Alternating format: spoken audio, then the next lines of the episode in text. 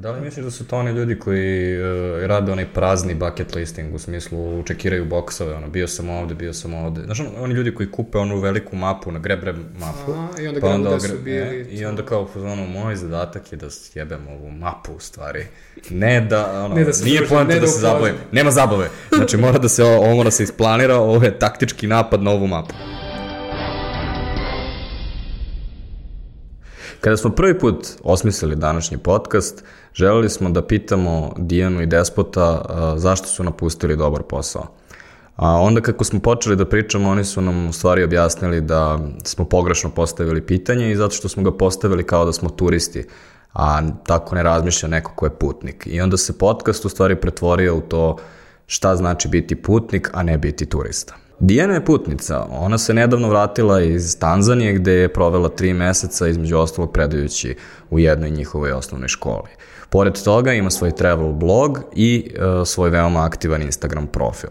Despot je videograf i kreativac, a, koji je nekada išao na put oko sveta i uspeo da obiđe ceo svet za šest meseci. Mi se naravno znamo, um, Dijana i ja smo nekada na fonu debatovali zajedno, a sada smo se susreli ponovo kada je Dijana predavala na projektu Fon Klame koji organizuje Centar za razvoj karijere.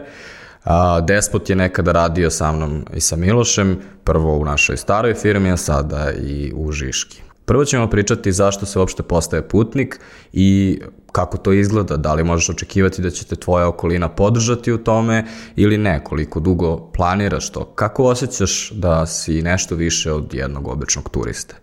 Onda ćemo pričati o tome kako uopšte da isplaniraš svoju avanturu. Pričat ćemo o tome da li je couchsurfing i dalje realna opcija ili je sve sada prešlo na Airbnb. Pričat ćemo vam kuda da krenete, a kuda da nikako ne idete, gde je bilo najopasnije, gde je bilo najlepše, a gde je jednostavno bilo me, Pričat ćemo i o sadržaju koji nastaje na putovanjima, o ulozi Instagrama, bloga i YouTube-a, kao i kako te veštine koje stekneš time što putuješ i time što praviš sadržaj sa svojih putovanja, možeš da iskoristiš u svom profesionalnom razvoju.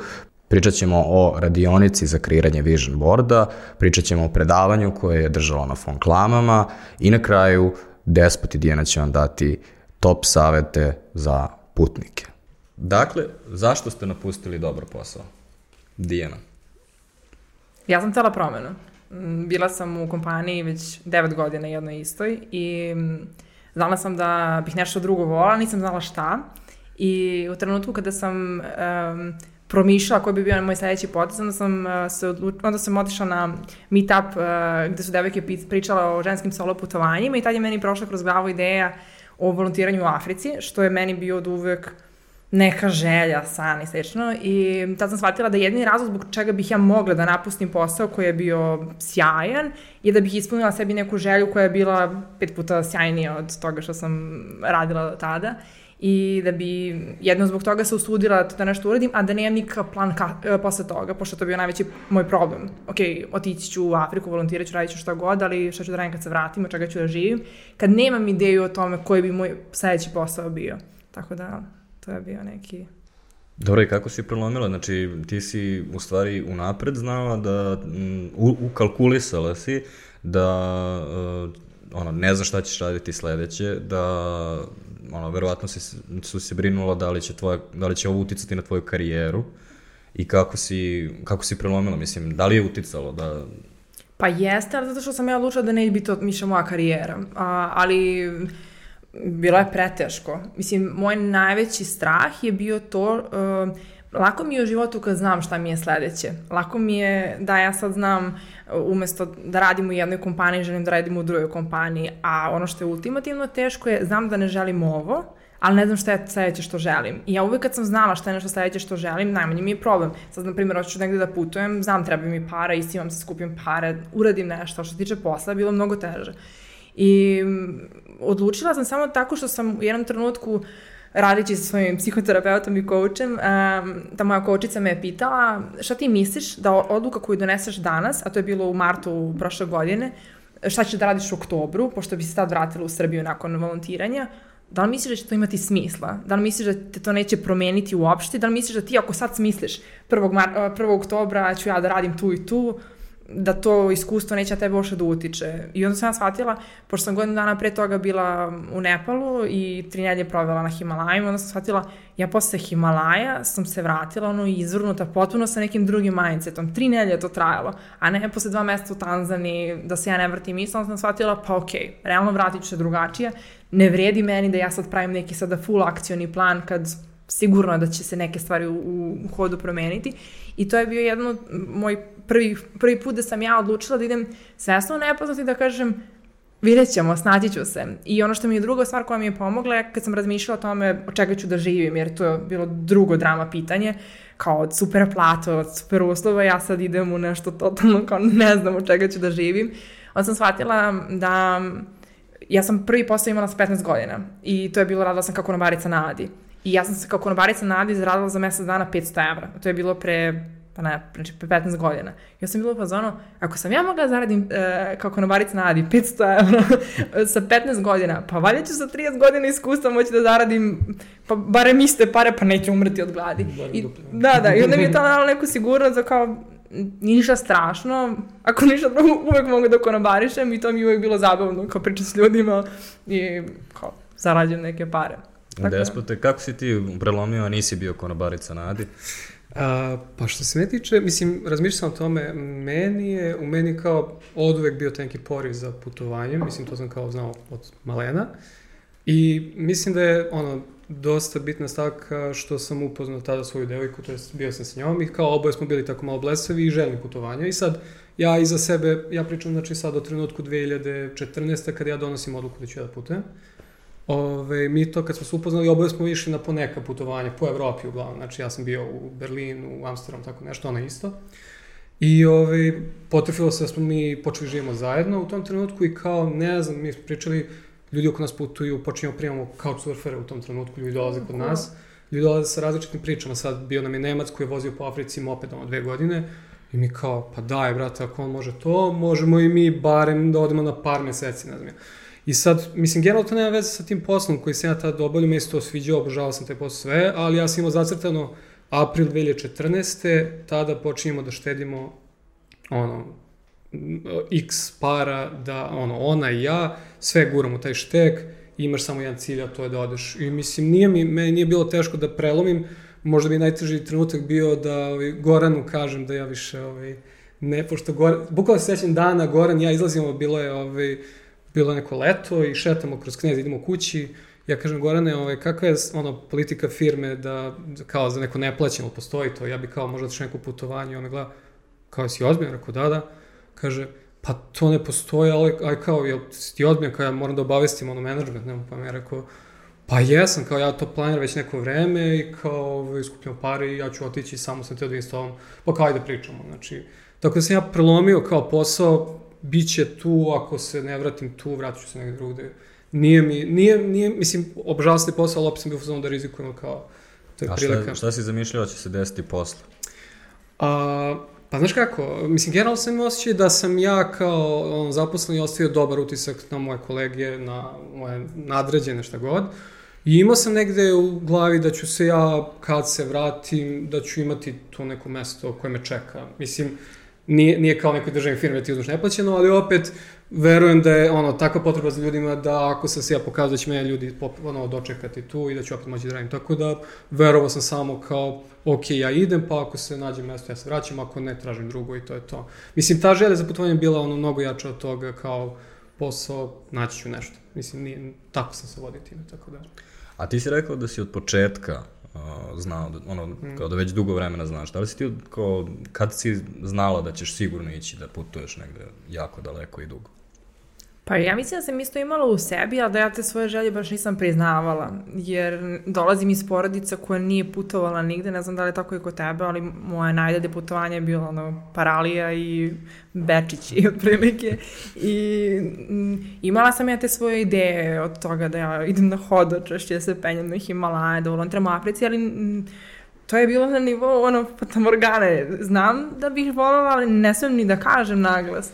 Ali sam, kako sam otišla to prvi put na Himalaje, onda mi je to otvorilo malo vrata da ja budem svesna toga da je to stvarno nešto što mene ozbiljno radi, da to meni prija i da takve putovanja meni daju neko zadovoljstvo u kojima ja uživam. I pa rekao bi da, da se nakon Nepala se meni puno više raščistila ta moja ideja da sam ja kao građanin sveta, da mene inspiriše, da upoznam što više kultura i da je to nešto što ja želim da radim u budućnosti što više. A, ne sam govorili da ste ludi? Kao što pa, to radite. Da. Meni najbolja drugarica pre neki dan mi je rekla uh, ja stvarno nekad mislim da si luda malo. Tako da, da, mislim da po, dosta tih stvari. Meni kad sam planirala da se penjem uh, to po Himalajima, ljudi su verovali, pošto nisam se bavila sportom, niti sam bila nikada u, u tom fazonu. Ali ja sam imala to kao ideju i idem polako i spremam se. Mm, nije uvek svima bilo jasno odakle meni takve ideje Valjda zato što nis, nisu neko konvencionalni, nešto što čuješ svaki dan. A jel su, jel su vas pitali ono, kao, jel su vas prozvali ludim posle potpitanja ili je bilo ono na prvu loptu? Tipa, jel su tebe pitali kao gde sve ideš i kako putuješ oko sveta ili su bili u fazonu putuješ oko sveta, pa ti nisi normalno? Pa ne, mislim, uh, meni iz mog okruženja, ja mislim da ljudi nisu, nisu baš onako prihvatali ozbiljnost te situacije i nisu nešto se, nisu dobljivali u to, kao ti ideš, pi ok, ideš, sad neko je bio ono kao, wow, fazon, stvarno iš toliko zemalja i sve to, ali kod mene je u stvari, imam samo jednu osobu koja baš je ono bila fazon, ti si ono kreten, a to je ono moj ćale koji je, mislim, to je ono generacijski jaz u suštini, koji je živeo u tom nekom socijalizmu i živeo u tome da svi treba da imamo jedan posao, u najviš, nekom ludom slučaju dva, I ja sećam oko dan, ja kad sam njemu rekao, znaš, mama je bila uplašena, to je, mislim, razumljivo, ali tate bi u fazonu, napuštaš posao, znaš, ko bukvalno samrti, ono, ja rekao, pa dobro, tata, vratit ću se, naći neki drugi posao, ne mislim, bit će ovo, ovo je, ne, ne, kao, on ide, napušta posao, mislim, ok, kad se sve završilo, on je bio, mislim da je bio ono ponos, ponosniji od mame i od koga god treba, ali ovo, ovaj, to kad je prvi put čuo, on, mislim, baš me smatrao ludim, tako da, nemam pojma, mislim.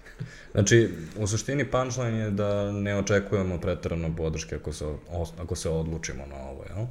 Da, meni mama, ja kad sam mi rekla da hoću da idem u Afriku, ona žena počela plače, a, i to je sad trajalo, onda se naljutila na mene, ni pričala samo dve nedelje, I ja sam bila u šoku, zato što je to i za mene bio teška odluka, ako treba da smislim da krenem negde, a treba mi podrška, barem neka, da kažem, ono, bit će sve u redu, pritom to je napuštanje posla i ipak odluka za sebe. Ali dobro, stvari da sam ja već malo neko u svojoj glavi bila sigurna da to što što želim, ja sam rekla, ok, proći će i ovo, ja i dalje želim da idem, pa sad prihvatila ono to ili ne. A njena reakcija je bila vezana za šta tačno? Za to nesigurnost posla, što petardira svoju karijeru ili... Pa bila je vezana prvo za Afriku, ali za kao na afrički kontinent, ja sama, gde ću, šta ću, a drugo to, napuštam posao, stala. Ja se sećam pre nego što sam ja dala otkaz, to je bilo možda mm, nedelju, dve, ona je mene pozvala i samo mi rekla, Dijana, ja bi da ti dođeš za vikend kući pa mi ideš malo porazgovaramo o toj tvojoj odluci. Može se predomisliš. da, da.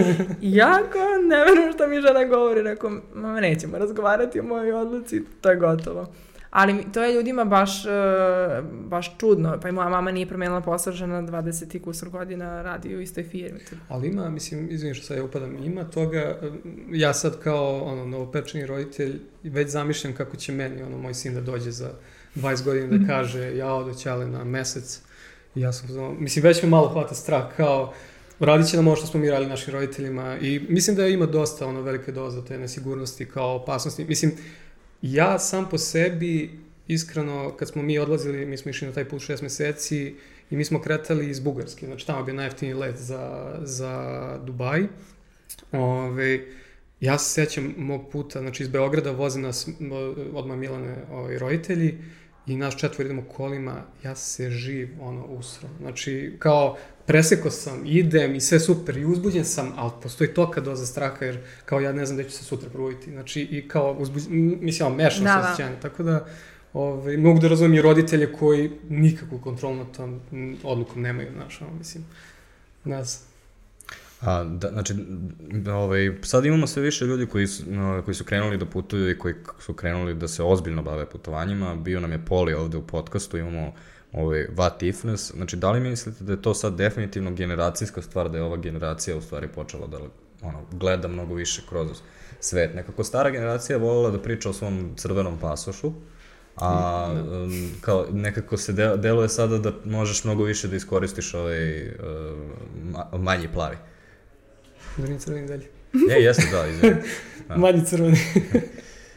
Ove, pa, e, to kad ste, e, mislim, kad smo pričali već da ćemo snimati ovaj podcast, sve ja sam počeo razmišljati, mislim, kao o tom generacijskom jazu, mislim da je ono, dosta, dosta, ako ne najveći deo to internet i kao promocije putovanja, promocija kulture zapada koje ono, smatra da je to ono ok da putuješ, da treba da putuješ, a, mogućnost svih tih servisa koji su ti sad dostupni, a koji, mislim, ja sam razmišljao kao, nemam pojam, čak sam razmišljao da izgooglam, ali nisam to uradio, kolika je bila cena karte avionski da ti odeš ono, na Tajland 60. godina, znaš, kao, da li je to da. bilo toliko prijemčljivo kao što je danas? meni deluje, znaš... Avion nije bio, ali si mogao da odeš verovatno ono, Orient Express i stuff like that. Ako si, da, ono, u nekom hippie fazonu i želiš, ono, ne znam, mislim da je sad, ono, mnogo lakše i zbog toga se, ono, više ljudi odlučuje na to, plus ima mogućnost da vide, ono, ljudi koji su već bili kao mi ili What If Nes Poli, ono, ceo svet, šta god. Tako. Ali takođe nekako postoji ta sigurnost kada imaš telefon u džepu, nekako ipak, mislim, ne postoji strašnija stvar nego da se nađeš negde gde totalno nema dometa. Onda si u fazonu, e sad ako se nešto desi, stvarno nemam pojma šta ću da uradim. Ono, ako imam dometa, čak i ako sam prašao mi pogledat, ono, izgooglaću Bera Grillsa, vidjet ću šta je radio, pa ću valjda nešto skinuti kao foru. Bukvalno. Meni je to jedna od prvih stvari koje uradim kad dođem u drugu zemlju. Kupim uh, SIM. karticu i internet i to je nešto što me čuva i to što kažeš kunem ti se, ono, prvo stvar mi je to da mi mape rade svuda i malo je to jedna stvar koja osjećam se nekad retardirano, kao ako, ako moramo uvijek da imam mape, ranije ljudi putovali bez ičega, ja sve ono na Google ali definitivno nam to daje sigurnost da i znaš gde si, baš kad sam u Tanzaniji imala par nekih situacija koje su bila onako ne toliko bezbedne s nekim ljudima nepoznatima, prva stvar koja radim share live location, ono šaljemo s prijateljima da znate, ako se ne javim nikada, ovdje sam, onda je nestala.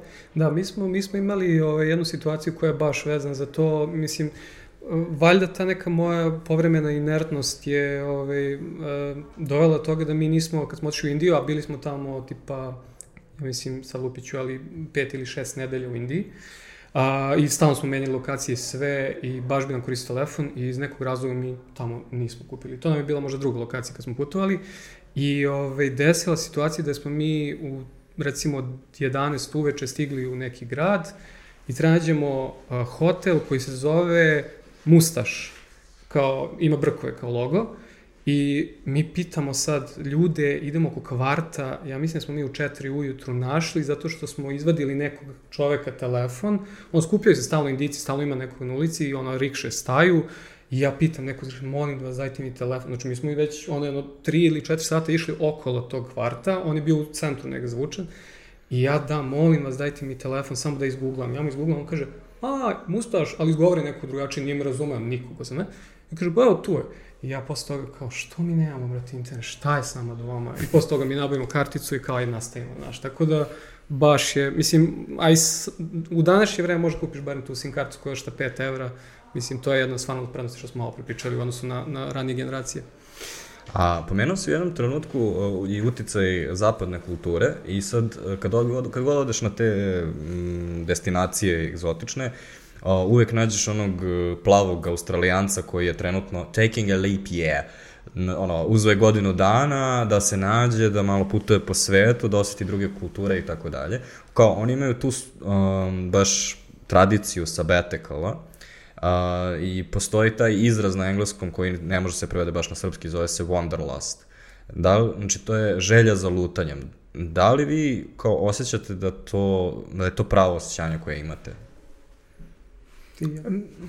Da, meni je želja za lutanjem nešto što je prisutno, A to mi je prisutno i u Beogradu. To mi nije čak ni samo za, za druge destinacije. Ja uživam to, izađem iz kuće, krenem šetam nekim ulicama, ali ne znam zapravo da li je to osjećanje želje za lutanje, nego taj poriv za istraživanje i radoznalost, jer to je ono što mene vodi, da ja sad razgledam neke nove ulice, kuće i tako. Ne, ovo je baš kao da isprazniš glavu, tipa, um, ono što ja zamišljam je ono Bruce Springsteen scena, ono, voziš neka kola u nekoj bez tragi, onako, gde nema ni jedna druga kola, ono, ne vidiš pola sata i kao voziš negde, ali ne voziš nigde, nigde cilj, neki cilj, nego samo voziš.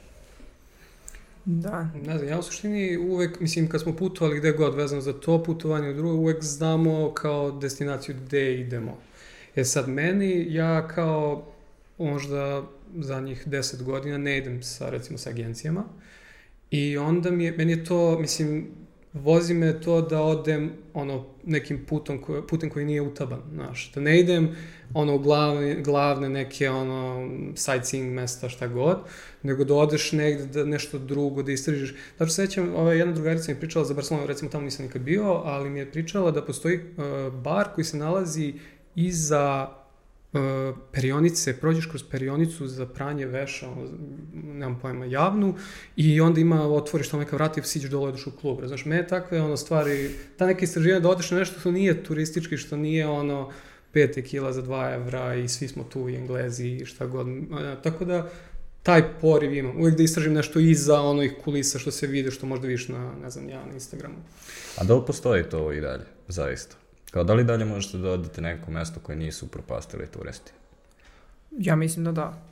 Mislim, ovde sam ja išla, na primjer, ono, u Africi, naravno, belog čoveka nisu videli, tako da ima. Sad ne znam. Recimo, um, kada odeš, na primjer, odeš u Taj Mahal, kao Taj Mahal je ono, užasno prljav zbog toga što ima gomilu turista i kao slabo je održavan i užasno je gužva. Kad odeš da vidiš uh, u Riju Hrista Spasitelja, a, ti ne možeš da se probiješ da vidiš Hrista Spasitelja zbog toga što su, ono, svi su sa šta, selfie štapovima izgleda kao ratovi zvezda, ono, kad se mačuju. Da. Ove, ovaj, a, tipa ona plaža čuvena koja je na Tajlandu. Da, um, E, pa ne znam da su je zatvorili, ali to je pametno ako su je prevremeno. Mislim, postoji sad taj ceo pokret, ono, reakcije na, na taj mas, populiz, mas uh, turizam. turizam ove, gde, mislim, kao potrebe da se to ove, sačuva, ta, ta lokalitet šta god, onda se zatvaraju i onda se, recimo, mi smo išli, Machu Picchu ima recimo ograničen broj recimo dnevno koliko može ono, tipa 400 ljudi može se popne na brdo iznad Machu Picchua i mislim sve češće je ovaj, to pojava koja mislim zdravorazumski valjda otko znam. Ali to tvoje pitanje je da li postoji mesto, ja mislim da postoji, ali sve je ređe. Mislim... A kako ga nalazite? Kako si ti našla, kako si se odlučila da odeš na to mesto u tamo? Mislim, ne znam kao, koje je tačno mesto. Tako, isto sam lutala. Ja sam išla, bila sam u Aruši, ali na kraju sam završila u tom selu Bangato. Uh, u suštini, tamo sam otišla tako što sam upoznala jednog čoveka i onda sam ga pitala da mogu da volontiram u kojoj školi uh, i htjela sam da imam to autentično iskustvo. I onda on mene odveo u njegovu osnovnu školu u njegovom selu, gde, mislim, nema drugih ljudi, ja, samo su tanzanici i tako sam imala. Ali meni najviše tu koriste to lokalci, couchsurfing i um, to, na, na primjer, ako odeš u neki grad, ideš na mesta gde su turisti, naravno će te, ono, vorit ćeš sa tim istim kafićima i restoranima, ako pronađeš nekog ko tamo živi, ta osoba sigurno ne ide ono, na ta ista mesta i ona ima neke svoje štekove ili neka mesta gde voli da provodi vreme i mislim da tako, da tako može da se nađe. Da, u suštini postoji um, ta razlika kao sa jedne strane, um, ako pretražiš tipa top things to do in wherever you are, um, izaći će ti nekih lista od 10 stvari koje će ti realno svi pitati. Ako, ako si bio tamo, a jesi radio, a jesi bio tamo, i a, nekako se osjećaš kao da propuštaš nešto, ako nisi bio tamo, a realno najčešće kada pitaš lokalca koji te odvede u ono realnu lokalnu kafanu gde sedneš sa ljudima, popiješ piće, on, ono, recimo u Argentini kada gledaš River Plata Boka, Boka kao gledaš to u pubu, random pubu, ali to je ta atmosfera, razumeš ti, ono, jedino bolje možeš da odeš na stadion što nema šanse da radiš. Mm -hmm. Ali u suštini kad imaš gomilu tako sitnih iskustava, ovaj, možda u stvari dobijaš uh, nešto što je daleko autentičnije nego, nego kada Recimo, ne znam da li vi imate taj uh, trip, ali ja kad googlam šta da radim, A, shvatio sam da je SEO otprilike pojeo ovaj, sve nas, zbog toga što su svi članci koje pogledaš su nešto u stvari prodaju i shvatiš da ne, ne, uopšte ne pokušavaju da ti objasne nešto, niti ti, tipa, ono, amazing secrets you will find i onda fazom pet one najvećih mogućih ovaj, sekreta i onda moj restoran koji sam platio da bude ovde. Mm.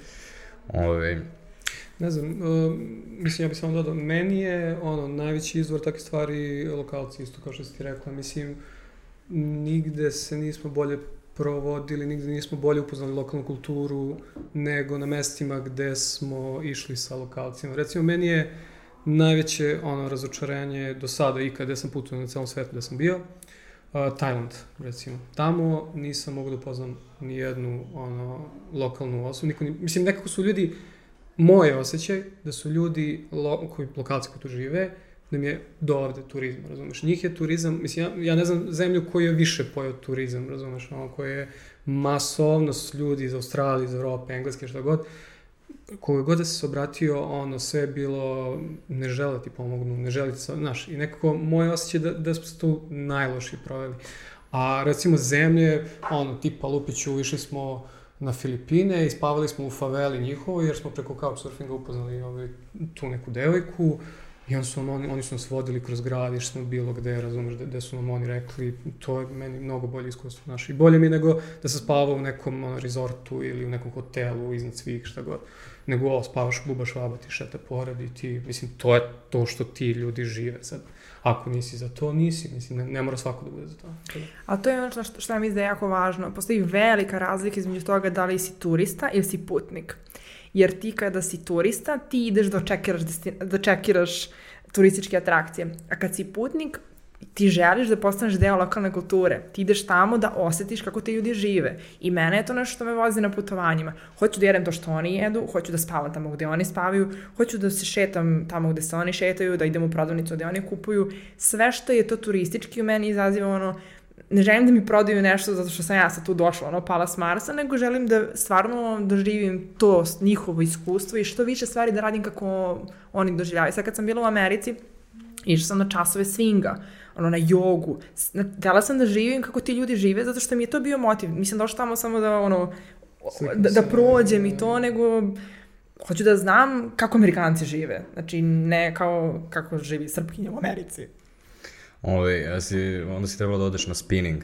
To je ono najnoviji, najnoviji thing u Americi, a to je voziš bicikl ono užasno brzo i imaš trenera koji je u sredini i dere se na vas. I kao, ono, znaš, ono, naj, ono, ono, full metal jacket. Ili... Ne, ne, unutra su svi, mislim, ono, svi su kao preznojani, ali ono, let's get it on, everybody, i tako dalje. Ove, a kako vi, um, kako vi planirate te pute? Kao, ali ima plan ili samo ono spakuješ se dovoljan broj čarapa, dovoljan broj gaća, and I'm off. Ili postoji neki, neku vrstu planiranja? Kod mene je pola-pola. Imam neke ideje zašto idem negde, uglavnom ne, ne, neki poriv, nešto da vidim, doživim i slično, ali sam puno više fleksibilna sad, na primjer, nego ranije. Ranije bi to znala sve u, u minut, to, to, to i to, a sad ono odem i dozvolim da te ljude koji upoznam, da mi oni pokažu neku njihovu stranu priče, da me odvedu tamo negde misle oni da treba da me odvedu i baš se neko prepustim da vidim šta će to putovanje da mi donese. A planiram najčešće, mislim, e, često to proguglam, ono, best experience to have, best things to see, i to mi bude neka podilja nečega što bih volila da doživim, ali najčešće pored toga prođe još pet stvari koje su puno bolje toga što sam ja isplanirala, ali kroz te kontakte sa ljudima koji koje sretam negde na putu? Moje pitanje je više bilo, evo ovako, ja imam jednog drugara, zove se Laza. A, njegov najbolji odmor ikada u životu je bio kad je otišao na all inclusive u Tursku. I ovaj, seća se kako je imao narukvicu i šta god da se desi, on samo digne svoju narukvicu i oni mu donesu šta mu treba. I on je bio oduševljen, to je bilo dva, najbolji 12 dana njegovog života. Divno. Um, e sad, recimo da je Laza slušao ovaj prvi naš deo i da je Laza zaključio da želi da ide negde šta on treba da ima da bi imao početak svog putovanja? Zato što on, znači rekli smo agencija je out, je li tako? Da. Um, rec, znači, da, ono, hoteli su out zbog toga što su suviše skupi, je li tako? Just. Ove, da li onda, ono, šta, kad, kako vi znate da ste rezervisali putovanje, ste kre, ono, isplanirali ste nešto, jel to znači imam smeštaj negde, jel to znači imam avionsku kartu? Ja, ja se sećam, znači za ovo putovanje, ono, najveće što pričam, mislim što najviše referiram na njega, Ove, mislim, to je šest meseci putovanja i to je, mislim, on, visoki su troškovi. E, isto kao što je Poli pričao kad je bio ovde, a to su, mislim, to moraš da isplaniraš unapred, zarad, ono, tih troškova koji mogu da budu znatno niži ako ti kupiš, ono, mnogo ranije. Lupiću, karta Beo, uh, Sofija i, i Dubaj, 140 evra, recimo, što je ono podnošljivo nije 400, razumeš, i tako dalje, i tako dalje.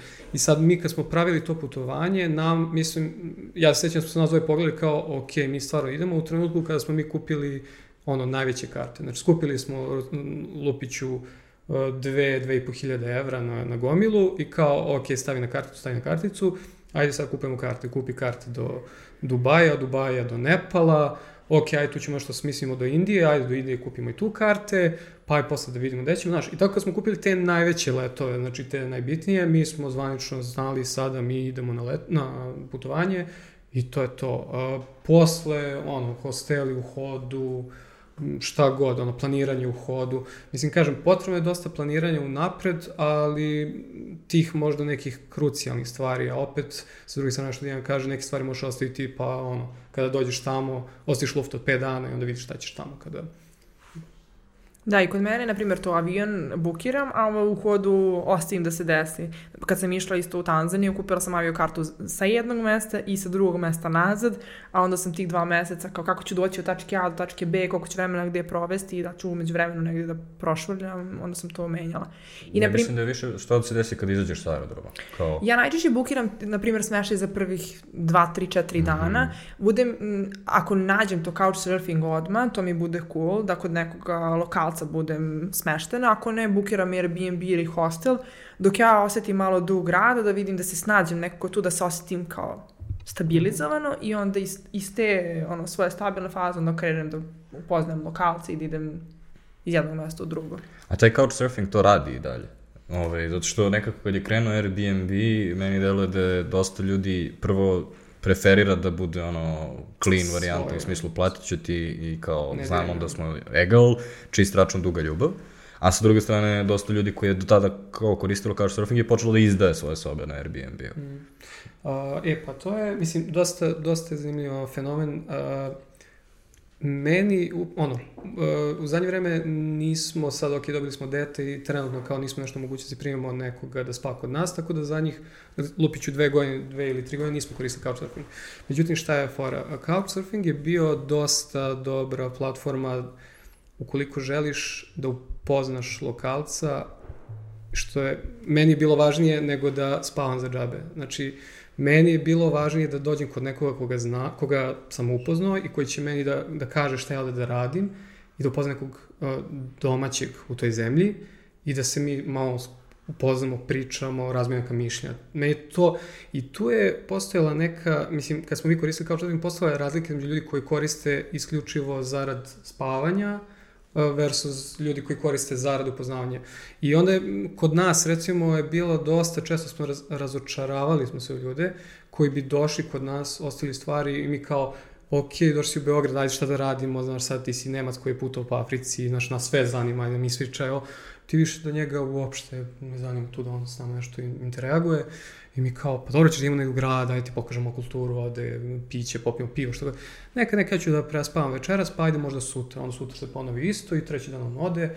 I tako, ovaj, mislim da, da su ti ljudi možda samo prešli na Airbnb, mislim da je to ta neka masa ljudi. A opet, ja sad ne znam, znači nemam sad iskustva, trenutno ja ne znam kakva je situacija, ali verujem da postoji još ono core tih korisnika ovaj, koji dalje žele da, da se upoznaju i da, da spavaju kod drugog samo da bi, ne samo da bi uštedeli 5 evra koji bi dali Airbnb-u, nego da bi upoznali ono, domaću kulturu i šta god. Mislim, moje ono, lično mišljenje sad. Da, ja mislim ima i jednih i drugih, iskreno. Baš sad i u Americi kad sam bila, pričala sam puno sa tim likom kod kog e, sam bila koji Meksikanac, a živi u Americi i primetila sam to kako neki ljudi imaju vrlo senzibiliteta da ugoste, da ti pruže mm. stvarno dodir lokalne kulture, ti kuvaju hranu i to. Mm, ja mislim da nije nestao couchsurfing. Mislim, ja ga relativno, ja ga nisam koristila ono pre 10 godina, prvi put sam ga koristila pre 6 godina i od tad ne mogu nije kažem da imam sto iskustva, imam ih možda desetak, ali ono, bila su različite. Kod mene, na primjer, bio mi u Beogradu neki Izraelac koji je tako putovao tipa godinu dana samo preko couchsurfinga, za njega kontam da je koristio mnogo više couchsurfing kao mesto za besplatan sleepover jer je putovao godinu dana. Ali iskustvo i sa njim je bilo interesantno, kao neke stvari sam čula, kao kako čovjek vozi motor po Evropi, spava stalno negde drugde i kako to izgleda kao putovanje. Pa ne, mislim, barem, barem te neki, ono, pristojan nivo interakcije meni barem bio bitan, da. ali kad te ljudi baš oduvaju, ono, to neko se razočaraš. Mislim, ja sam se barem razočaravao, da, tako da. A da li misliš da su to oni ljudi koji uh, rade onaj prazni bucket listing, u smislu čekiraju boksove, ono, bio sam ovde, bio sam ovde. Znaš, oni ljudi koji kupe onu veliku mapu, na grebre mapu, Aha, i onda pa onda gde su bili. Ne, I onda kao, ono, moj zadatak je da sjebem ovu mapu, u stvari. Ne da, ono, ne da se nije poenta da, da se zabavim. Nema zabave. Znači, mora da se, ovo mora da se isplanira, ovo je taktički napad na ovu mapu. Da, pa ne, mislim, valjda ljudi imaju različite ono, razloge za putovanje, nemam pojma. Mislim, moj, ja se vodio svojim lično ono, kao porivima i ono, željom za upoznanje druge kultura i ljudi, hrane, čega god. I onda mi je nekako ništa me nije više radovalo kad dođem kod nekog i upoznam neke i, i kažem, možda sam već rekao ranije, meni postoji neka paralela između ono, dobre zemlje i do, dobrog iskustva u nekoj, nekoj zemlji, nekom putovanju sa ljudima koji sam upoznao. A gde da. nismo upoznali ljude, tu mi je kao, pa okej, okay, ili je, on, loše, šta god. A tamo gde sam upoznao ljude, neko se ispostavi da, ono, baš je, ne znam, mislim, super. Mnogo, mnogo je bolje iskustvo, ne znaš.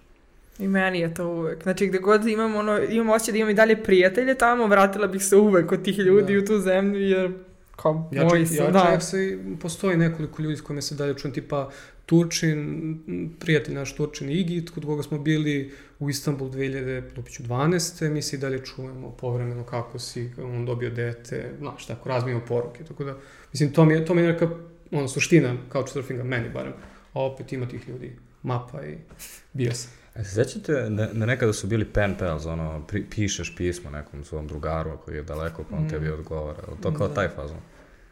Pa možda neka savremenija i mnogo lakša ono, varijanta i mnogo brža, ono, instant je, mislim, možda i šta radi čovjek, se javiš. Mislim, to je isto jedna ono, posledica društvenih mreža koji su, mislim, ako ima neka dobra stvar iz društvenih mreža, to je onda da, da možeš da budeš u kontaktu sa ljudima koje ne možeš fizički da budeš pored njih, tako da...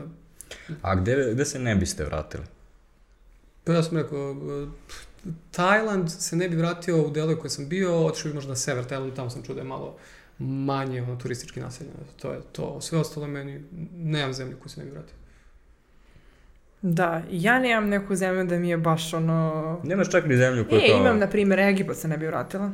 Ja? Da, za, ali Egiptu sam bila, možda zato, bila sam u rezortu i meni mm. je to putovanje bilo grozno.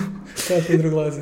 da, da, ne, zato što uh, sećam se, tad sam, uh, niša me ne privlači, na primjer. Mene čak ni piramide nisu ni tad privlačile da moram da ih vidim, nisam ih ni videla, ali to spavala u rezortu i onda kad sam izašla prvi put na ulicu i kad sam videla kakav je jad i beden na ulici i kako ti ljudi žive tamo, a koji je kontrast odnosu na to što ja gledam u rezortu, meni to bilo baš Da, mnogo, e, nisam se osjećala ni dobro što sam tu, više bi volila sam bila s tim ljudima na ulici ako oni tako žive, nego da me oni služe, a onda posle tamo nemaju ono, leba da jedu. Baš mi je bilo bez veze i... Ali ti si bila i na Zanzibaru, da ne?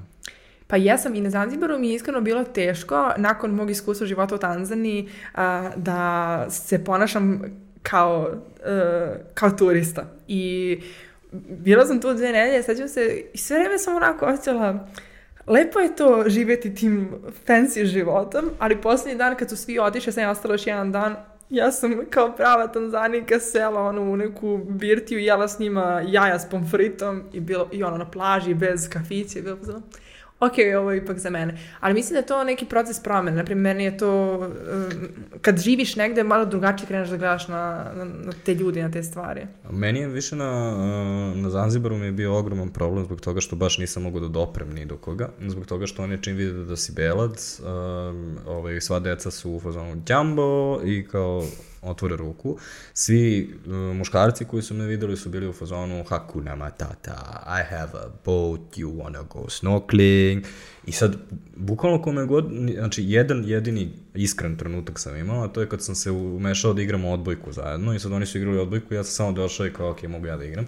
I tad sam prvi put imao neku interakciju sa njima, realno. Sve ostalo je, ono, kako god pokušaš nešto da pričaš s nekim, kao, ono, od, od, osetio sam bukvalno kao da postoji taj, ta utilitarna veza koju ne mogu da preskočim. Ove. Samo ću se navesti, na primjer, na Zanzibaru. Jedina situacija kad se ja nisam osjećala to tako kod turista je bilo kad sam ja otišla kod ono pecaroša u neki njihov šator mm. i sela s njima da ih pitam s kojom mrežom pecaju koju ribu. Ali mislim da tu postoji razlika između toga da ti oni priđu, jer čim oni krenu da prilaze, to je ono prodaja, a ti kad si ono u miru i kad vidiš da neko radi neka svoja posla i dođeš kod njega, onda je malo drugačija pozna tačka i onda možeš da razgovaraš možda više iz tog ugla. Ali mislim da postoji taj problem zato što um, ono, be, belci i ono, u tim afričkim zemljama svuda se tako infiltriraju i onda mislim da i ti ljudi, zato što im i daju i novac i prisutni su na neki način, onda oni odmah te gledaju kao ono špil dolara, evra, od čega god i m, samo gledaju kako da uzmu te pare od tebe, jer imaš više nego oni. Da, pošto sam ja bio ovaj, sa agencijama, bio sam u, u grupi sa Balkana, znači tu su bili Makedonci, Bosanci, Srbi, mislim da su bili dva Hrvata. Ove, I um, prva reakcija naših ljudi odma, znači svih to koji stopa izgovaraju je A nemoj od mene da tražiš, pa nisam ti ja klasičan belac, ba. nisam ti ja englez. Prvi mi smo Ove... tako bili u fazonu, nas dvoje idemo i nerviramo se po Indiji, recimo. Indija je ista, mislim, ista je priča, ono, vide da si belac i prelaziti iz dva razloga ili da se slikaju sa tobom, da te, ono, pip, da te, ono, Ma ne, ne, ne, ne diraju to u stvari, ne žele da te diraju, samo žele da stanu pored tebe i se slikaju i da imaju sliku i da se pohvale da imaju belog čovjeka, mislim što je baš onako tužno. A, ove, ili da ti nešto prodaju i tako da, ove, isto smo nas dvoje imali tu taj neki, ono, kao, vrate, šta smo mi Britanci, um, došli smo ovdje, idemo sa 20 evra dnevno, nemamo ni mi, mislim, zažalite se ljudi, dajte vi meni. Ali, recimo da, Indija je meni uh, ostala kao jedno mesto da se baš ne bih vratio, baš zbog toga što uh, je mnogo naporno. Ne, ne, nije toliko što, ono, si ti belac, nego njihov život je mnogo naporan mm. i svugde je apsolutna gužva i svi se guraju i recimo, ja sam pokušavao da kupim uh, kartu u, za delhijski metro i ja sam kao, ono, izgurao se na srpski način mm. i stao ispred one rupe, onako ima onu staru okruglu mm. rupu i stao sam sav ponosan i čekam ovako da me pogleda, znaš ono kao srpski manevar, čekaš da te šalteroša pogleda, nemoj da je ubacuješ, posle će bude nadrdana. I ja stojim ovako, a žena ovako, pored mene, znači između moje ruke i moje glave i ovako baca ono, u to Ja, ja kao, I to, to ti se stalno dešava, ne možeš da pobegneš od toga. Kao, Indija je bukvalno konstantno ovde. Kao, sve, sve druge zemlje imaju neki deo grada koji izgleda veoma civilizovano. Možeš da odeš u neki, ono, kad, kad, is, kad ti prekipi, da odeš u neki kafić gde možeš da budeš ono evropejac i sve će da ono muzika će da svira koja ti je poznata, sve će da bude poznato, sve će biti okej. Okay. U Indiji nema toga. Kao u Indiji baš ne možeš da pobegneš od Indije. Ma ima, ima kvartova. Ja sećam da smo mi u New Delhi bili u nekom takvom kvartu koji je on, valjda neki eminentni deo, otko znam. I ovaj, tako mi neki parkić i to i tamo nas nešto nisu ono, kao dirali, nudili, šta god. I, ta, i u drugim delovima Indije, u, u Bombaju isto. I, Recimo, ja se sećam fancy dela New Delhija. Velika bela vila veliki beo X5 ispred, što bi rekla mm. mi Mercedes. Ove, ovaj, a pored X5 je žardinjera i žardinjera je pretvorena u kontejner. Mm. I kao, pored toga je lik koji šiša ljude na ulici. Da, razumeš? Kao, to je ono, a to, a to kod njih koegzistira sasvim normalno, Jest. ono. Pa ne, a meni se to svidelo baš. Ja sam ne, meni je to super bilo nedelju dana. Da. S nedelju dana mi je bilo super zanimljivo, sve sam, ono, ja sam jeo u Indiji na ulici i tako dalje. Mm ali posle određenog vremena sam se umorio. Bukvalno sam, nisam mogao da isključim i najveći problem je bio u stvari smog. Mm. Ove, ovaj, od smoga sam se baš zamarao žestoko. Jest, jest. Ali gde vam je bilo, ono, bilo nekih kao strašnih situacija? Kao da ste se, ono, na, bilo, ono, uf. Meni je Tanzanija bila na momente baš teška. Imala sam puno situacija da sam... M, moj prvi susret sa ono, afričkim kontinentom kad sam došla i kao izašla na ulicu da prošetam sama, ono, hiljadu ljudi oko mene, svi me nešto pitaju, ko me za rukava, s kim si, odakle si, da ti dečko, da ti muž, da si ti deca, hiljadu pitanja. Ko da si na slavi. Da, da. um, posle sam vraćala film nazad, gde sam se slično osjećala. I to mi je bilo drama, znači, pritom, ono, isto prašina na ulici, haos, prodaju sve živo, od, ono, igle do lokomotive. I ja, ono, prošetam 50 metara i vraćam se u hotel rekao, ja ne mogu ovo. Znači, ja, da, to na tri dana nisam izlazila napolje, jer mi je trebalo vreme da se ja sad kao stabilizujem, kažem, ok, ovo je koratno polje. Znači, I nema, na primjer, e, ljudi ne odustaju, znaš, nije ono, ja neko kaže skloni se, nego nastavi da hoda sa mnom i ide mm. za mnom, a ja nisam bila sigurna tada da su ti ljudi opasni, da nisu, hoće da me opljačkaju, neće da me opljačkaju. Pritom ljudi mnogo pričaju, ono, nemoj pričaš ni sa kim, budi ozbiljna, ono, znaš gde si krenula, onda sam ja imala hiljadu stvari u glavi i to mi je na početku bilo, raznosto mi je nešto u stomaku radilo da sam ja neko ko zapeta puška i generalno sam se, ja sve vreme osjećala tako, oprezna sam morala da budem. A to mi je bilo jedna od redkih zemalja da sam se osjećala tako da moram da budem oprezna, jer sam i imala situacije različite, od tih dobacivanja do toga ono, voze me motorićem kroz, ne znam, ja, neke, neke buđake, ono, čovek staje da sipa gorivo na, tipa na trafici, znači ja nisam, a da to, to izgleda kao da on mene stao tu da me proda otprilike, jer razmenjuju pare, ja gledam sa strane, ne znam da će se desi. I on, ja bukvalno se tresem ono u trenutku, rekao, zašto smo stali? On kaže, pa da sipamo gorivo. To ne, ne pumpe. I tako baš je bilo nekih neobičnih situacija koje ne mogu da kažem da su mi bile prijetne, ali to je deo i ono kulturološkog šoka, ja mislim. Ja sad nakon dva mesta života tamo, onda, onda nekako kapiram da tako stvari funkcionišu tamo, ali na početku mi je bila agonija. Recimo, prva stvar koju su mene naučili kad sam došao u Afriku, Afriku je TIA. Kao, this is Africa. I to, to pokriva sve te situacije, ono, kada sipaš, uh, sipaš gorivo na, na, ne na pumpi, nego na trafici. Da. Uh, kao, danas nema goriva, što nije stigao brod. E. I guess, kao, i, otkazan je izlet. Ne idemo nikuda. Kao, kao, a, TIA.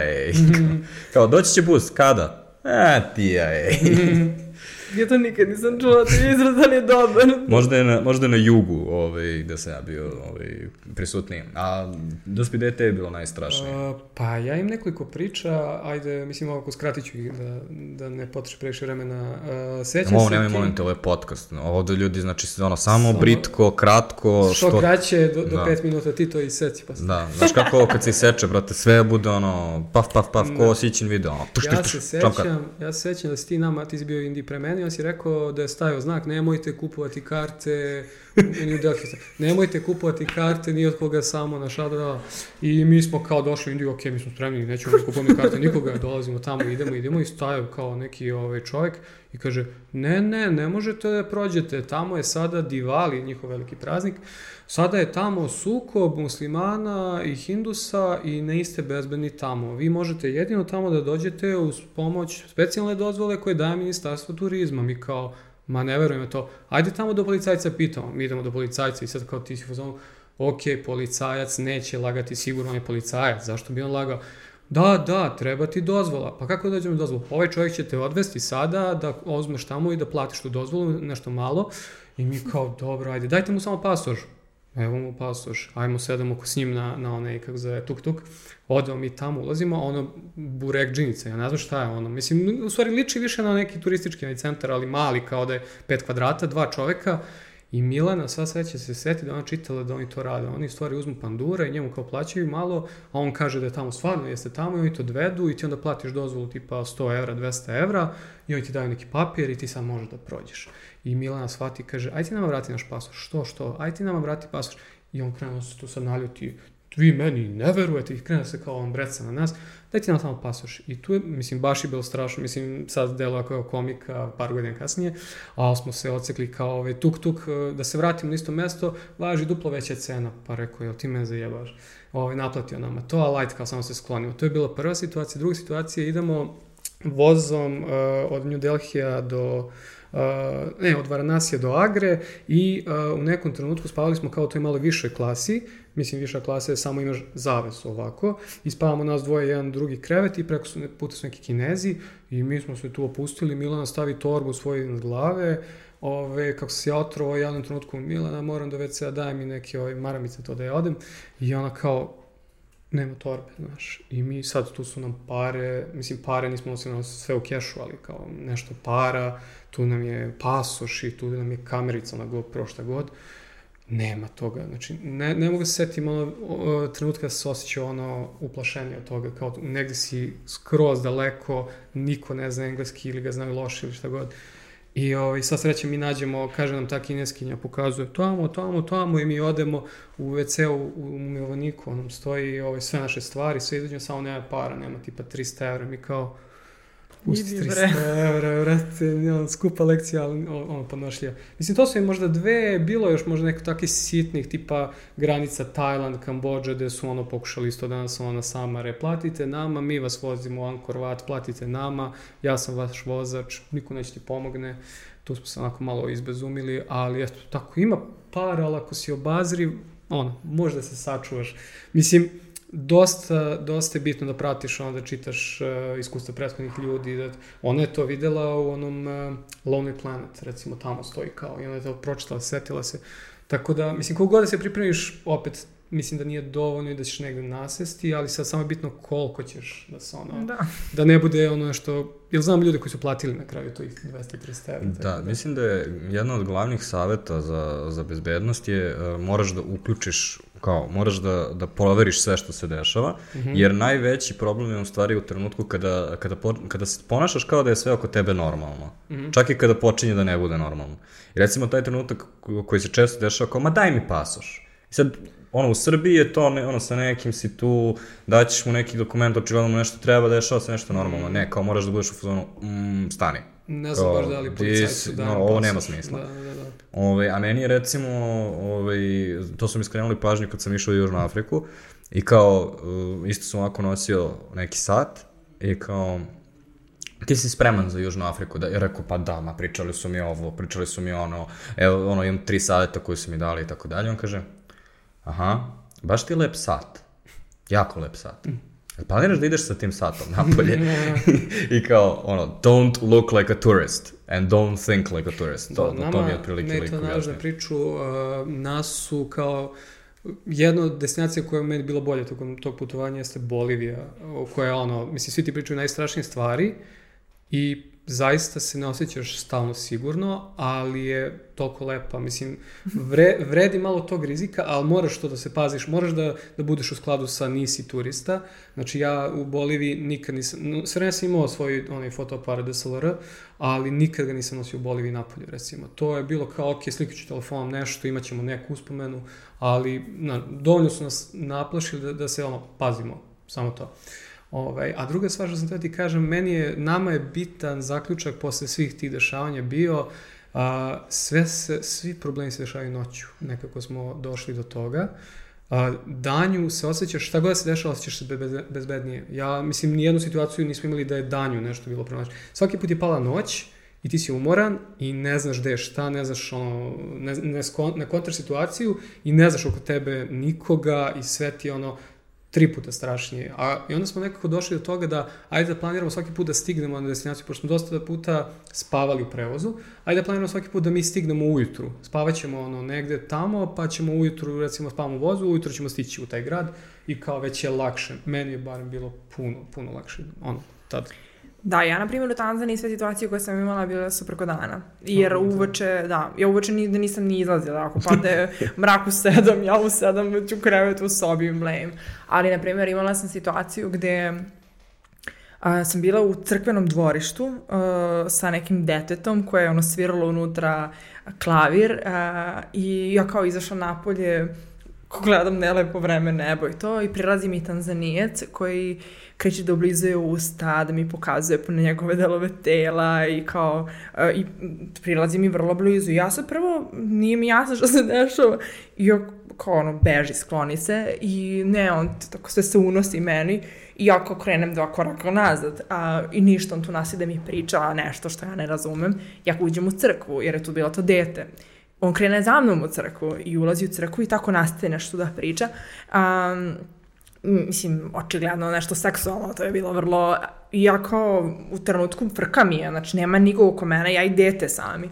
I ja samo ono, ono, vratim sebi moć nekako i krenem da vičem njega, izguram ga napolje, krenem ono, beži, ono, budalo, krenem, krenem da pravim galamu i on na kraju ode.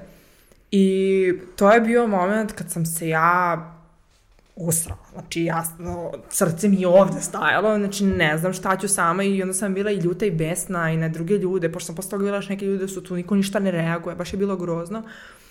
Ali sam puno naučila o sebi i to je jedno od iskustva koje me učinilo puno snažijom za kasnije sve što mi se dešavalo, sam bila u fazonu, ono, nećeš, znači, I kad, kad sam došla u Srbiju, upravo što sam morala, uh, otišla sam na kurs odbrane, da u sledećoj situaciji ne da može neko da mi priđe, mogu da ga prebijem, a, ali je baš bilo strašno. I to se desilo, na primjer, da, u Srbiji. ali recimo, ovaj, mislim da dosta stvari tu se dešava tim, tom asertivnošću, odnosno daj mi pasoš, i što god se dešava daj mi pasoš.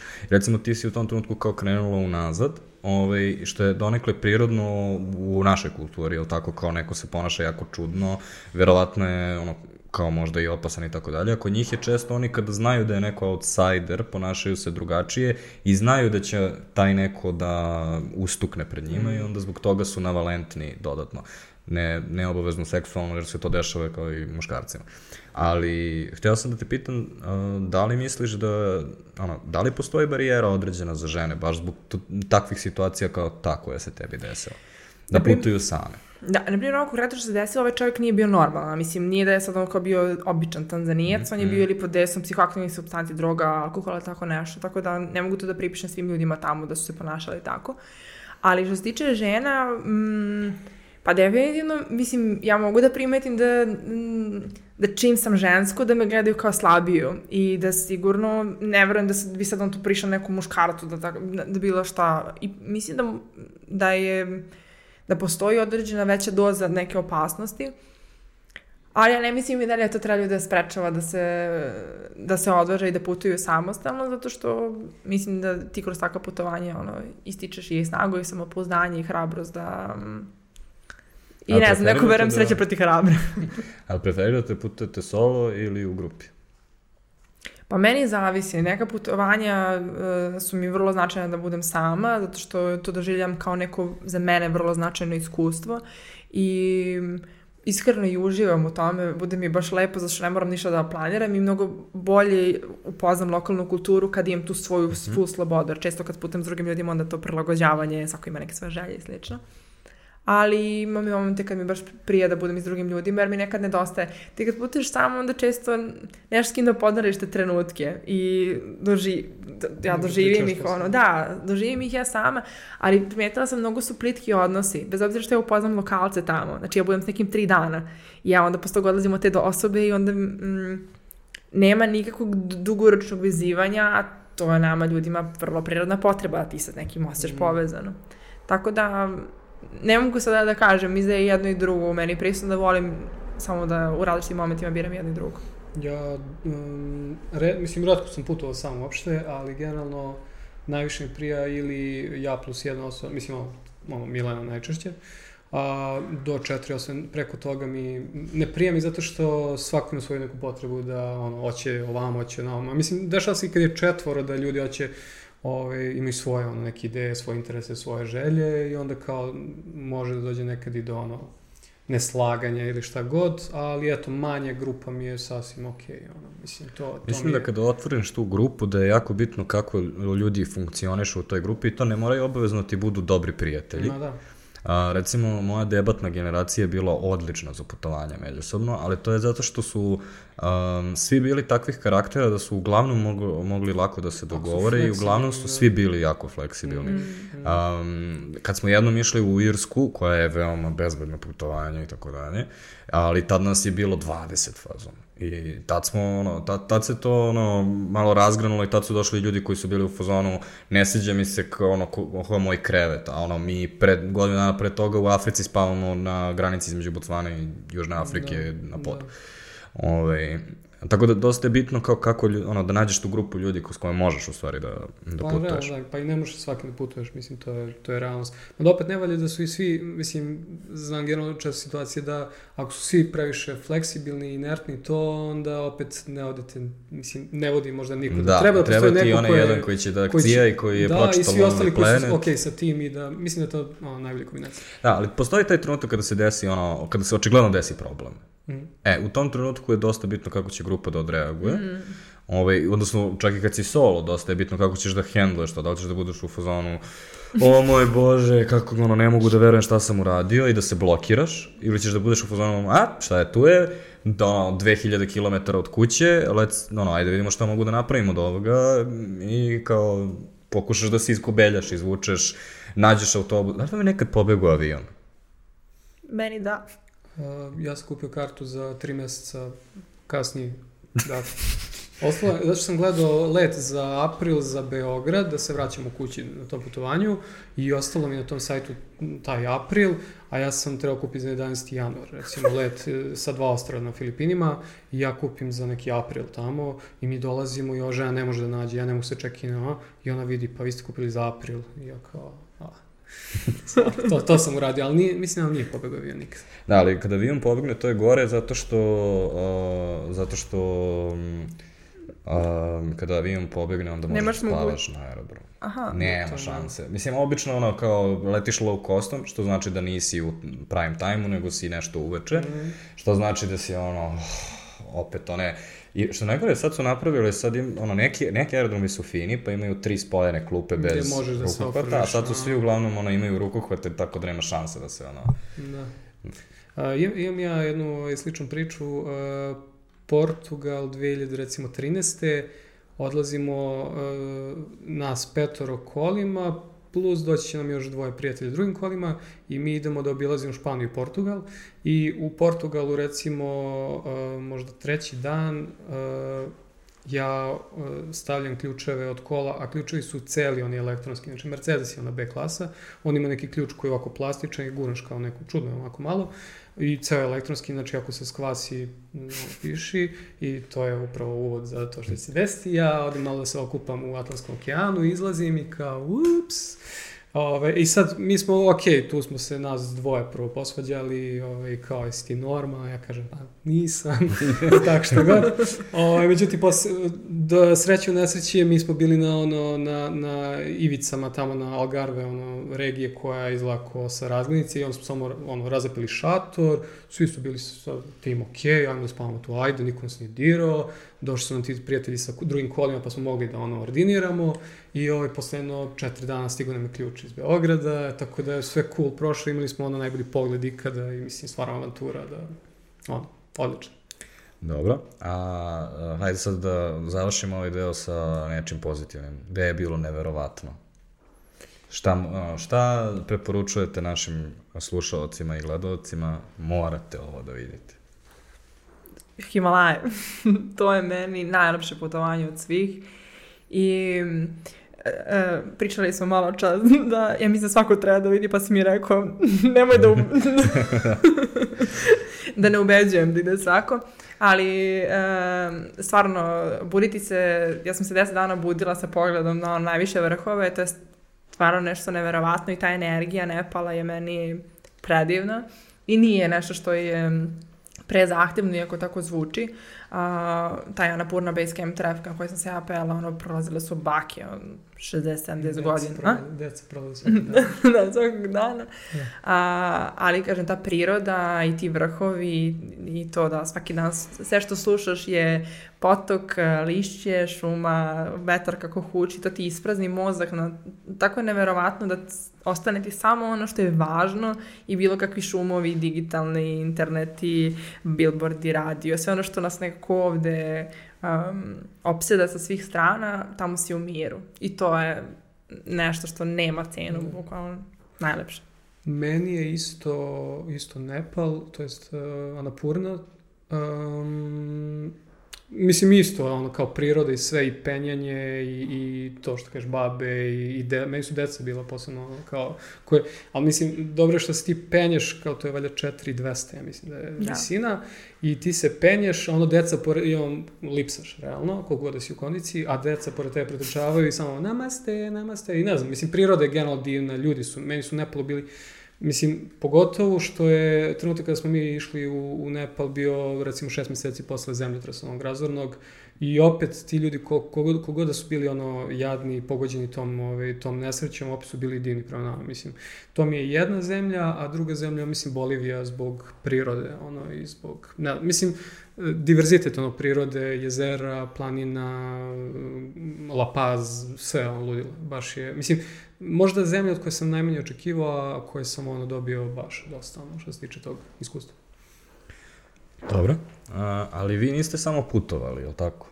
Vas dvoje ste a, pisali blogove, a, ti imaš jako aktivan Instagram, a, počelo si s YouTube-om, ti si snimao YouTube videe, mm. Ove, ovaj, zašto to radite? Da li, nije, znači, da li danas uopšte ljudi samo putuju ili svi koji putuju ujedno i nešto objavljuju o tome što putuju negde?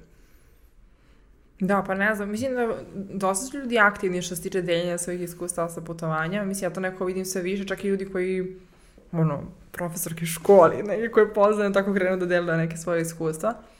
Uh, meni je uvek bio motiv to, s jedne strane, da te svoje, svoje iskustva neko sačuvam, jer su bila vrlo značajna i dosta ne, nekih mojih putopisa dođu ko neki moj dnevnik online ali s druge strane volim i te vodiče. Mene je to super how to u 10 koraka da, da, da dam neku um, polaznu osnovu da neko ne mora da se pati oko nekih stvari oko koje sam ja prošla. Mada tu često budem nekako um, u sukobu sama sa sobom, jer ja s jedne strane obožavam ta spontana putovanja, kad je sve spontano, go with the flow i osjećaš i doživljaš sve, a onda dam drugim ljudima kao neko gotovo rešenje. Ali mislim da uh, da ima tu za svakoga po nešto. Nego ko nije, nije toliko u fleksibilnom i u spontanom putovanju za, za te ljude je vrlo korisno da imaju određene korake, pa posle toga u hodu neka smišljaju. Da, e, ja sam pisao blog većim delom tog putovanja, znači u šest meseci, dok nisam došao do Južne Amerike i tamo smo menjali ono dan svaki dan drugi grad i onda sam tu već bio u fuzonu, ja ne mogu više ovo da radim. Mislim kao, želim, ali jedan dan spavaš ovde i onda pređeš u drugi grad, hoćeš tamo sve da vidiš i onda bi trebalo da pišeš uveče, ne znam ja, kad nemaš više snage ni za šta. Ove, međutim, meni je ceo, ima toga što ti kažeš, generalno uh, želje da sačuvam sa, tvoja, sa svoja iskustva, a negde sam se vodio i, i ono kao željom da se javim mami gde sam ja. Mislim, nemam pojma, uvek, uvek neko kad sam pisao, ja sam razmišljao šta bi sad moje mami mogu da kažem gde sam ja i onda kao napišem tako i eto. To mi je jedna stvar. A druga stvar, posle, Posle toga je, ovaj, recimo, išao sam na Island i moj ono poriv da napravim, mislim, ne znam, baš dosta se kao voze me sve te, sve te vlog priče, ljudi koji putuju i na neki kreativan način ispričaju kratku priču do recimo 10 minuta i onda taj format mi je delo zanimljiv i onda sam samo jednostavno želeo da zabeležim taj, to svoje putovanje. uh, I onda, ovaj, samo me to vozilo, nemam pojma, jednostavno. Meni je žao što to putovanje šest meseci nisam ovaj, kovečio nekim ovaj, tim video formatima, recimo, jer u trenutku kada ti skupljaš svaki mogući dinar za, za to putovanje, baš nemaš prostora da kupiš sebi ono DSLR kameru ili tako nešto, plus uh, laptop gde ti možda montiraš, I sad postojala tu neka ideja da će možda se javiti neki sponsor, ali ja nisam bio dovoljno ono, niti ono, ubedljiv. Nisam ni želao mnogo da se cijemo kod toga, nisam imao ni vremena, ono, gledao sam samo da se organizujem i kao to je to. Tako da mi je ostalo žao što tamo nisam to radio, a, ovaj, a eto, Island je ostao zabeležen na, na kanalu i kao povremeno odem pogledam i kao drago mi što ima tu stoji i tako, eto, mislim. Kako vi posmatrate znači, to što ste radili? Da li ste vi sad travel vlogeri, blogeri ili influenceri ili je to jednostavno nešto što vi morate da objavite pa morate da objavite? Kao da li to za vas ima instruktivnu vrednost, odnosno nešto što vam koristi da dođete do nekog cilja ili je to zato što izlazi iz vas kao potreba? Meni je potreba da, da zabeležim to i da to ostane ono kao, da mogu jednog dana da sednem i ono kao sa decom, mislim, koliko god to kliše zvuči, ali kao pogledamo taj video ili ja gledam šta god. A ovaj, nisam, mislim, nikad sebe nisam video kao nikakav influencer, realno, mislim, mali broj ljudi koji je to gledao, osim influencera koji su me pratili. Tako da je to pa, malo me... si ti u par uh, predloga kampanja. I jeste, I to ne, da. To, ne u našim agencijama, nego... To, to znam, to znam, ovaj, ali nisam sebe nikad video tako. Mislim, generalno je samo bio taj poriv da da stvorim, mislim, kao i kroz život me vozi ne samo kroz ta putovanja, kao želje da, da nešto stvaram i da pravim, pa kao samo je naleglo to da kad se malo izmestiš iz svoje ono, svakodnevice, onda imaš još više ove, želje da to napraviš i da beležiš i šta god, ono, više si motivisan. Tako da. Da, ja imam različite motive za različite formate, bukvalno. Jedno mi je to, imam taj poriv da edukujem ljude i meni je obrazovanje toliko važna stvar i kao da neke pametne, inspirativne priče koje verujem da zaslužuju pažnju, koje ljudi ovde nemaju često priliku da čuju, imam potrebu da ih podelim i sve to što mene tako neko pokrene, promeni. Mm, ja nekad napišem nešto i u fazonu, u fazonu sam možda ovo nikog ni ne zanima, ali ovo je toliko značajno da moram to da uradim. A s druge strane, i to što pišem o putovanjima i što delim neka svoja iskustva, mi je omogućilo da posjetim neka mesta na kojima možda ne bih mogla da budem i da otputujem na neke destinacije o kojima nisam ni razmišljala do tada, tako da mogu da kažem da sam i sa te strane dobila ono, puno benefita i lepih stvari koje prosto ne, ne mogu se ni komercijalno ni materializovati koliko su za mene bila značajna kao iskustva. A kad kažeš posmatraš te formate, ti, ti u suštini, ako ispravim ako grešim, znači mm -hmm. imaš svoj blog, imaš svoj Instagram, imaš svoj YouTube i takođe organizuješ meetupe. Da. Kao, uh, čemu služi šta od toga? Uh, teško pitanje. Ali počet od meetupa.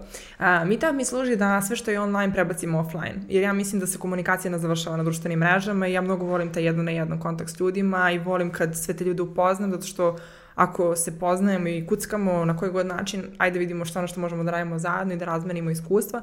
I često sam i tapove organizovala, mene zanima neka destinacija i onda, na primjer, devojka bila iz um, Britanka koja je bila iz, putovala u Nepal, onda sam nju pozvala da priča o svom iskustvu, jer sam ja išla posle toga u Nepal i kao umesto sedamo ja i ona na kafu, aj ti pričaj svima nama pa ćemo da vidimo, a već sam imala neku publiku pa sad kako hoćete, dođite, šta god. Tako da uvijek mi, to mi je bio jedan od motiva i s druge strane ta povezivanja, jer mislim da stvarno tu postoji toliko nekih zanimljivih priča koje ljudi ispričaju, tipa ovako, što si ti sad pričao, gde si bio, šta si radio, meni je to uvek kao wow, da i kad sam u Beogradu se osetim kao da sam na putovanju, jer ta putovanja me uvek vrate na to. A, što se tiče Instagrama i bloga, oni manje i više imaju sličnu svrhu, s tim da na blog ljudi dođu nekad sa Google-a. Mislim, ne, ne dođu sa mog Instagrama, nego puno nekih tekstova, tako je otišlo u na primjer, vodič za Beč, ljudi čitaju, ne znam ja kako, pitaju me za bečke šnicle, da, da idu da jednu. A, ali na Instagramu delim i dosta svojih nekih ličnih iskustava. Sve te neke promene koje se meni dese u hodu i kako mene putovanje promeni instant, ja onda to tamo pišem i čuvam jer uvek mi nekako ostane kao sećanje šta se desilo na neki dan. A YouTube, e, je isto jedna razvojna faza za mene, jer ja isto jako volim to da se razvijam kroz taj svoj sadržaj, jako mi je važno da vidim sebe u nekim novim okolnostima, tako da tako sam krenula da za YouTube, ajde vidim kako bi ja bila kao voditeljka neka i šta je ono što meni prija zapravo da, um, u, kom, u kom formatu da snimam i meni su svi moji kanali neki vid samo istraživanja. I uvijek sebe stavim neki kontekst i vidim kako, kako će to da izgleda, šta ću ja da navo naučim iz toga. Tako sam krenula i s tim YouTube-om, pa prosto jedno kao putovanje. A to je zanimljivo, ovaj, pitamo ovo slično pitanje, pitamo sve ljude koji dolaze ovde u podcast i nijedan put do sad nismo dobili o, bilo kakav drugi odgovor osim meni je dunulo ili ja sam želeo da vidim kako će to da izgleda. Niko nije instruktivno počeo, ja sam želeo da napravim najveću stranicu u zemlji. ja sam u tome uspio. Kao, niko nije imao plan. Većina tih kreativnih poduhvata u stvari na neki način nastaje manje više slučajno. Ovaj, ali ti takođe na svojim Instagramu recimo koristiš jako duge statuse. Da li to iko čita? Čitaju. Sačuvavaju. Pa, na primjer, sad sam neki objavila neke savete za, bo, za boravak u Arizoni, ima 200 ljudi je sačuvala. Mislim, ne mislim da je baš sačuvala zbog slike. Jer je, to su vrlo konkretne stvari koje stvarno ljudi mogu da koriste. Drugi sad, dok ja stavim to na blog, dok sad mi još uvijek niko tekst radim na tome, onda sam upozorno, e, ja često dosta toga sačuvam na Instagramu, mada moram da priznam, ne vratim se toliko često više ih mm više ih čuvam kao slike, kao inspiracije. Ali mi ljudi kažu, na primjer, i nekad vidim po interakcijama na komentarima šta mi ljudi napišu, nekad mi se ne piše o nekoj temi, pa ipak objavim jer kao moram, tu mi na srcu, pa mi onda neko kaže, ja, ti si mene tako dotakla, mislila sam isto to i tako. Tako da, m, mislim da koriste. Mislim da dosta ljudi sad na Instagram dolazi zbog slika, a, i mislim to i dalje je primjerno vizualna platforma, ali da posledično oni moraju da dođu do tih informacija i da, mislim, možda se te sad slike i nekako i ponavljaju, pitanje nekako, ok, ti si tu kreativan, stalno nešto smišljaš novo, ali mislim da im ta opis ili priča koja isprati tu fotografiju nekada možda prenese više emociju, jer na kraju dana mi se ono, nas povežu emocije, da se neko uplašio, da li nekom bilo radost, koja je to drama se desila kad se dešavala ta slika. Tako da, ja bih... Ja mislim da definitivno je Instagram, um, Instagram je sad realno veći od Facebooka, čak, čak i na agregatnom nivou, kada, iako računaš babe, veći od Facebooka. Um, što se tiče realnih korisnika, ljudi koji zaista bleje na toj društvenoj da. mreži.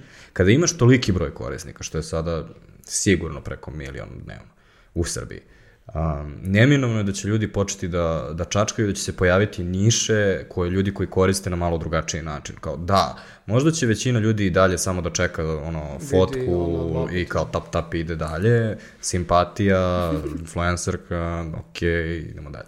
Ovaj, ali većina ljudi, kao recimo sad, uh, ovaj, do pre dve godine je bilo jako redko naći meme page na Instagramu. Sada su meme page-evi praktično prešli, ono, su, prešli su na Instagramu, u smislu kao sve više ih ima na Instagramu, sve manje na Facebooku. Svi novi koji dolaze uglavnom kreću sa Instagram. Um, tako da, ono, takođe postoji story koji, ono, manje više niko nije provalio kao neki format, kao da ga je zarolao onako full. Da li ste imali tih iskustava sa storijom? Pa ja ih koristim. Naprimjer, ja imam meni vodič za Izrael ceo u storijima. Mm -hmm. I mhm. neki ljudi su mi rekli, tvoj vodič za Izrael na storijima je top, najbolja stvar. I mislim, a to sam isto radila kao eksperiment. Bilo mi je fora da ga složim nekako u neke segmente. Mm, I ja dosta koristim to isto na putovanjima za te neke ono, stvari koje se meni dešavaju sada aktualno, jer mm, dok, uh, moram priznati, Instagram slažem da to sve bude onako mm. lepo, na storiju tu što me, mislim, nešto me briga, ja sve stvari na kraju i sačuvam, oni su svi po nekim highlightsima, ali mi je to kao da vidimo šta se stvarno dešavalo dok je ova slika trebala da nastane ili kakav je stvarno bio pogled i koliko sam se zapravo zadihala i crkla da bi došla negde. A te stvari su neko mnogo više real life i onda se meni to sviđaš. Dobro, mislim da je to prirodno po mislim, to, to jako puno ljudi koristi storije na taj način. I u stvari bi možda bio zanimljiv feature za Instagram da naprave uh, baš to, da imaš, um, da imaš ovaj post, a da onda negde možeš da klikneš da vidiš story kako je nastao taj post. I ono, da, da uvek budu vezani. Kao. A, ali da li ste vi nekada koristili sve ovo? Kao, vi ste tad putovali svugde po svetu, pa ste nešto pravili. Pa, ste li to ikad bilo korisno? Ste neka lebana je od toga kom smislu? Izvini. Pa da li ste nekad ono, uspeli da ono, dobijete neku konkretnu korist? Mislim, ok, postoji korist očigledno, kao vas je to promenilo na neki način i osjećate se da, da ste transformisani nekako, ali da li postoji neka konkretna korist koju ste dobili od svega ovoga? Pa meni, meni ne, ne da sad mogu da se setim, mislim, meni je više bilo to kao da da se osjećam ispunjenije što sam nešto stvorio. To mi je to. Sad nisam, niti sam ja gurao to, ne, možda, je, možda da sam ja to više gurao, da se više cimo oko toga, da sam ovaj, možda bi od, m, postojala i neka ono materijalna korist od toga i šta god. Mislim, mogu da zamislim. Ali... A pošto se nas dvojica znamo, da li se sećaš kada si pre nego što si krenuo tamo i um, kao evolucija bloga koji je evoluirao u vlog koji prati tvoj profesionalni razvoj koji se okreće ka video produkciji? Ok, to, mislim, to ima nekog smisla. To je, znači, nematerijalno dobro. Ok, postoji, znači, moment, ali to je, ja mislim da je to generalno ležalo u meni uvek taj poriv za video, video produkcijom. I onda je samo se poklopio trenutak da se ja mogu za recimo u nekom trenutku da izvojim sebi neku manju cifru, da kupim sebi kameru koja ono početni nivo, entry level, šta god. I, ovaj, i mogu sam se izrazim na taj način. Mislim da, je, da mi je dao samo šansu to putovanje da recimo kreiram nešto što je, tako da evoluirao sam, nazovimo to tako. Da, A ti? Pa meni da, na puno načina. Mislim, meni je najznačajnija stvar iskreno od mojih društvenih mreža to da sam ja s pomoć njih ispunila sebi jednu želju, a to je da renoviram školu u Tanzaniji. Čak, e, mislim, to nije možda vezano toliko za mene, ali je i Pa jeste, mislim, to je za mene bila preogromna stvar, da sam ja uz pomoć te moje komunikacije sa ljudima mogla da angažujem neke ljude iz celog sveta da doniraju novac i pošalju mi pare i da ja to stvorim. A, to je možda nešto najznačajnije i nešto što, mislim, do kraja života ću biti ponosna na to. A pored toga je bilo puno tih, kažem, iskustava nekih... Mm, Išla sam na Šilanku tako uh, u saradnji sa turističkom agencijom jednom. Imala sam puno tako nekih saradnji koje su mi omogućile da ispričam priču o nekoj destinaciji svog ugla i da, uh, i da doživim to nešto samo zato što imam taj neki talent u sebi i želju da s ljudima delim to svoje iskustvo. Ja se, izvini, sad se setio baš dobre priče. Ove, ovaj, mislim, jedina možda materijalna dobit koja je proistekla iz cele priče. Ove, ovaj, a, let između, treba da letimo sa Filipina na Havaje. I a, mi smo to odlučili tako što je razlika da li ćemo letimo direktno za Kaliforniju, a, za Kaliforniju ili ćemo da stanemo na 7 dana na, u, na Havaje ove, je vrlo mala cenovna razlika. Međutim, mi u tom trenutku ne razmišljamo da mi negde treba i da, jel te, spavamo. I ja sam, možda par dana pre što ćemo mi otići tamo, ja sam napravio kampanju na Instagramu koja se zove Udomimo Despija, gde ja stavim svoju tužnu sliku, uh, ono, mršao sam mnogo mršavio nego sad u nekoj uh, ovaj, uh, košulji, ono, malo zarasto i kao, ljudi, ja nemam gde da spavam i ako hoćete da pomognete ovim dvo, dvoma putnika, ove, možda znate nekog ko živi na Havajima, će vam pomogne. Ja uz tu par ljudi, na kraju smo ove, preko neke drugarice došli do čoveka koji je iz Amerike, koji ima drugaricu ove, na, koji živi na Havajima, A e, ceo problem je što Havaji ne koriste ovaj couchsurfing u tom trenutku, barem niko neće, jer je tolika navala turista i sve da bi se samo iskoristi koristili. Ovaj, Tako da smo na nekim malo zaobilaznim putem došli do osobe koja nas je udomila i ne samo udomila, nego poslala samo prijatelj. Mislim, to je ono, vraćamo se na početak na priče o upoznavanjima. Tako da iskoristili smo pomoć Instagrama, interneta i... Znači, klasična UGC aktivacija sa giveaway-om besplatno. Jeste. A, Dijana, ovaj, čime se ti sad baviš? Toliko toga. um, organizujem radionicu kreiranja vision boarda, organizujem sad neko putovanje na Go. Mm, držim predavanja na fakultetima ovim mojim iskustvima i nekako motivišem ljude da uh, urade sve što mogu da ostvare barem jedan svoj san, pa onda kad ostvare jedan, onda ostvare ovaj drugi, pa tako neko krene priča. A šta je vision board?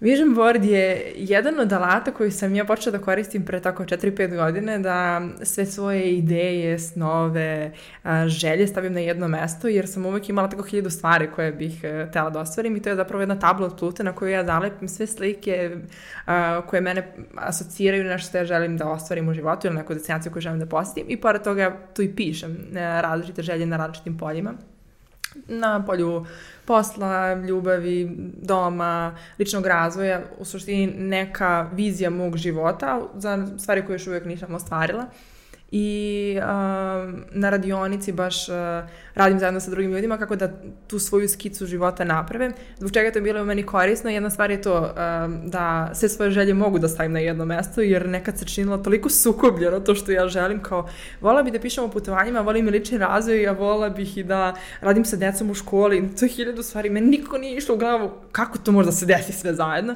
I onda ja kod stavim to na jednu tablu, onda to izgleda vrlo logično, vidiš jedno pored drugog sve staje. I to mi je omogućilo tako da budem u miru, da ne moram da splitujem stvari.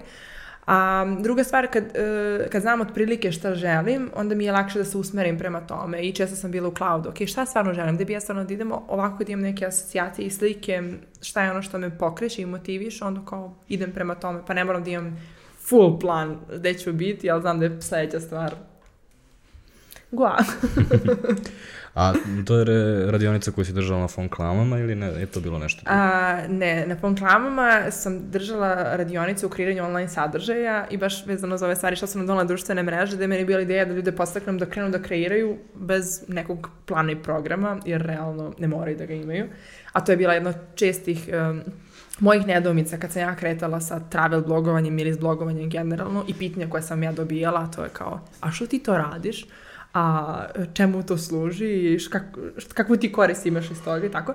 A meni je baš bila ideja da kažem ljudima ne morate imati nikakvu korist, probajte, igrajte se, isprobavajte i slično. A, tako da to je bila tema za, za fan klane. Ove, I šta je sad plan?